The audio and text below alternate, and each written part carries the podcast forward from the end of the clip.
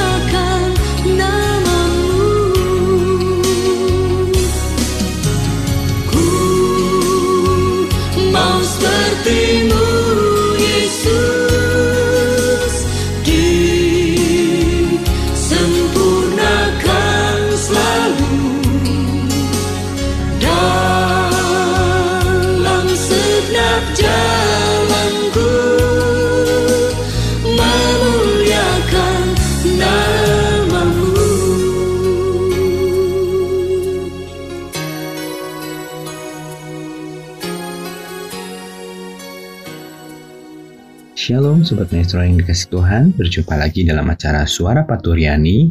Dan hari ini bersama saya Albert Ferdian yang akan menyampaikan firman Tuhan. Sobat Maestro, kalau kita membayangkan seorang petani yang sedang menaburkan benihnya, tentu petani tersebut akan berharap bahwa suatu saat benih tersebut akan bertumbuh dan berbuah lebat. Sehingga pada suatu waktu dia akan memanen hasilnya secara maksimal.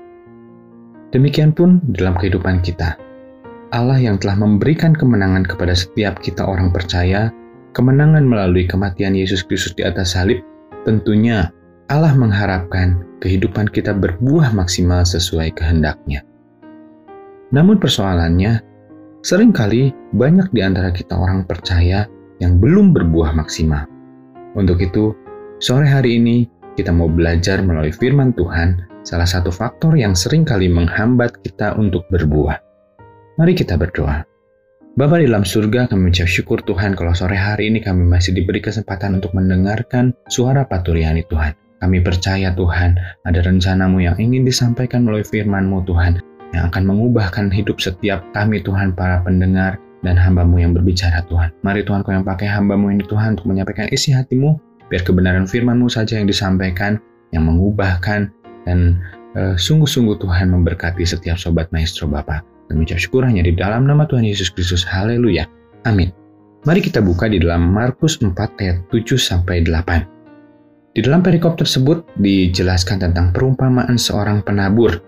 Dan di dalam Markus 4 ayat 7 sampai 8 dikatakan, Sebagian lagi jatuh di tengah semak berduri. Lalu makin besarlah semak itu dan menghimpitnya sampai mati, sehingga ia tidak berbuah dan sebagian jatuh di tanah yang baik, ia tumbuh dengan suburnya dan berbuah. Hasilnya ada yang 30 kali lipat, ada yang 60 kali lipat, ada yang 100 kali lipat. Kalau kita lihat di dalam perumpamaan seorang penabur tersebut, ada benih yang ditaburkan di berbagai uh, jenis tanah yang berbeda. Yang mau kita fokus pada sore hari ini adalah ada benih yang ditaburkan yang jatuh di tengah semak duri Ya, dikatakan, lalu makin besarlah semak itu dan menghimpitnya sampai mati, sehingga ia tidak berbuah. Sobat maestro sekalian, inilah salah satu faktor yang membuat kehidupan kita tidak berbuah. Tidak peduli berapa banyak firman Tuhan yang telah kita baca, tidak peduli berapa sering kita mengikuti ibadah dan mendengarkan firman Tuhan, tetapi ada hal yang dapat membuat firman itu tidak tertanam dan tidak bertumbuh dengan baik, sehingga kemudian tidak dapat menghasilkan buahnya secara maksimal. Jadi, ada kondisi hati dan pikiran kita yang menentukan dan membuat firman Tuhan, yang artinya kehendak Tuhan dan rencana Tuhan dalam kehidupan kita, tidak berjalan sebagaimana mestinya. Sebagaimana dijelaskan dalam perumpamaan tentang penabur tersebut, bahwa benih akan bertumbuh dan berbuah maksimal ketika dia tertabur dan tertanam di tanah yang baik. Kondisi hati dan pikiran seperti apakah yang dapat membuat firman Tuhan tersebut tidak dapat bertumbuh dalam kehidupan kita? Mari kita baca di dalam Markus 4 ayat 18 sampai 20. Markus 4 ayat 18 sampai 20. Dan yang lain ialah yang ditaburkan di tengah semak duri, itulah yang mendengar firman itu, lalu kekhawatiran dunia ini dan tipu daya kekayaan dan keinginan-keinginan akan hal yang lain masuklah menghimpit firman itu sehingga tidak berbuah. Dan akhirnya yang ditaburkan di tanah yang baik ialah orang yang mendengar dan menyambut firman itu lalu berbuah. Ada yang 30 kali lipat, ada yang 60 kali lipat, dan ada yang 100 kali lipat. Sobat Maestro sekalian, dijelaskan di ayat 18 sampai 20 ini bahwa perbedaan hati dan pikiran yang menerima firman Tuhan itulah yang membuat terjadinya perbedaan pertumbuhan dan perkembangan benih firman tersebut di dalam kehidupan kita. Yang pertama dikatakan kekhawatiran dunia ini. Sobat Maestro, siapa sih yang tidak pernah khawatir? Siapa sih yang tidak punya masalah atau persoalan? Tentu, kita semua sering kali dihadapkan dengan masalah dan persoalan. Namun pertanyaannya, apakah persoalan dan masalah tersebut membuat kita hidup dalam kekhawatiran yang menghilangkan fokus kita kepada Tuhan, atau kita mau tetap fokus kepada Tuhan dan firman-Nya yang jauh lebih benar dan jauh lebih besar dari setiap persoalan yang kita hadapi. Kekhawatiran sering kali membuat kita gagal fokus, sehingga firman Tuhan tidak dapat bertumbuh di dalam kehidupan kita. Yang berikutnya dikatakan bahwa tipu daya kekayaan dan keinginan-keinginan akan hal yang lain. Artinya, kita gagal fokus kepada Tuhan karena kita terpikat oleh keinginan-keinginan lain atau tipu daya kekayaan. Ya memang benar, segala sesuatu perlu uang. Tapi biarlah kita tidak menjadikan uang segala-galanya di dalam kehidupan kita. Mari kita tetap mengutamakan Tuhan dan firman-Nya di dalam kehidupan kita. Kita percaya Dikatakan bahwa carilah dahulu kerajaan Allah dan kebenarannya, maka semuanya itu akan ditambahkan kepada kamu. Demikian pun dalam kehidupan kita, mari kita fokus mencari Tuhan. Mari kita fokus mendengarkan firman Tuhan dan berpegang kepada firman-Nya yang adalah sumber kebenaran, sehingga segala sesuatunya Tuhan tambahkan dan Tuhan selesaikan setiap persoalan pergumulan kita bersama dengan Tuhan.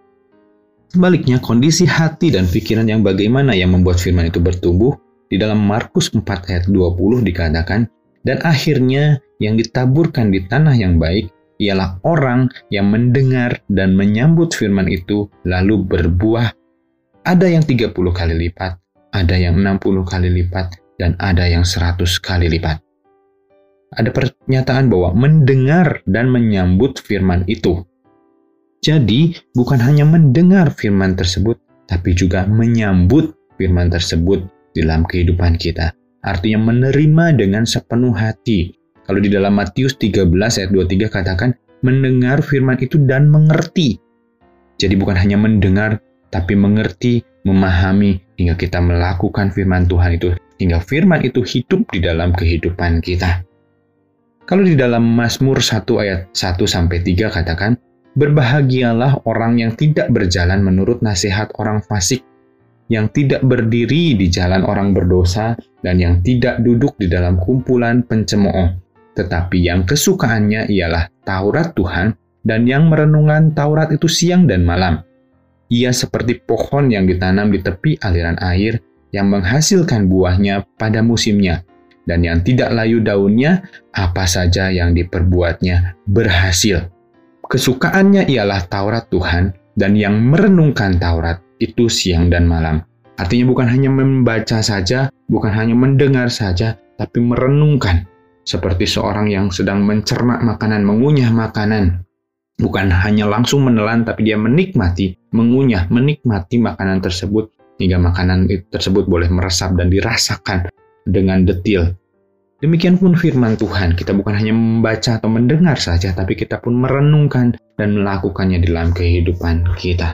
Sobat Maestro, biarlah kita menyatakan syukur kita buat kemenangan yang Yesus berikan melalui pengorbanannya di atas salib dengan kita berbuah maksimal dalam kehidupan kita bersama Tuhan.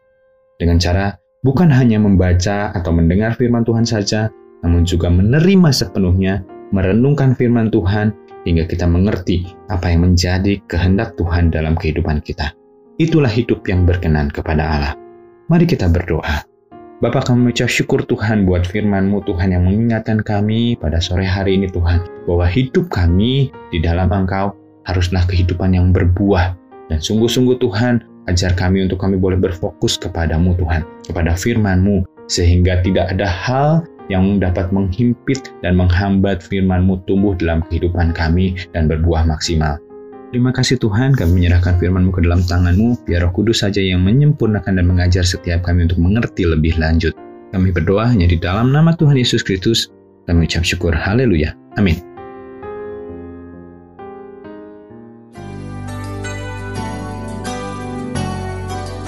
Sobat Maestro, kita baru saja mendengarkan blog airtime bersama dengan GBI Paturyani. Terima kasih atas kebersamaan Anda, Tuhan Yesus memberkati.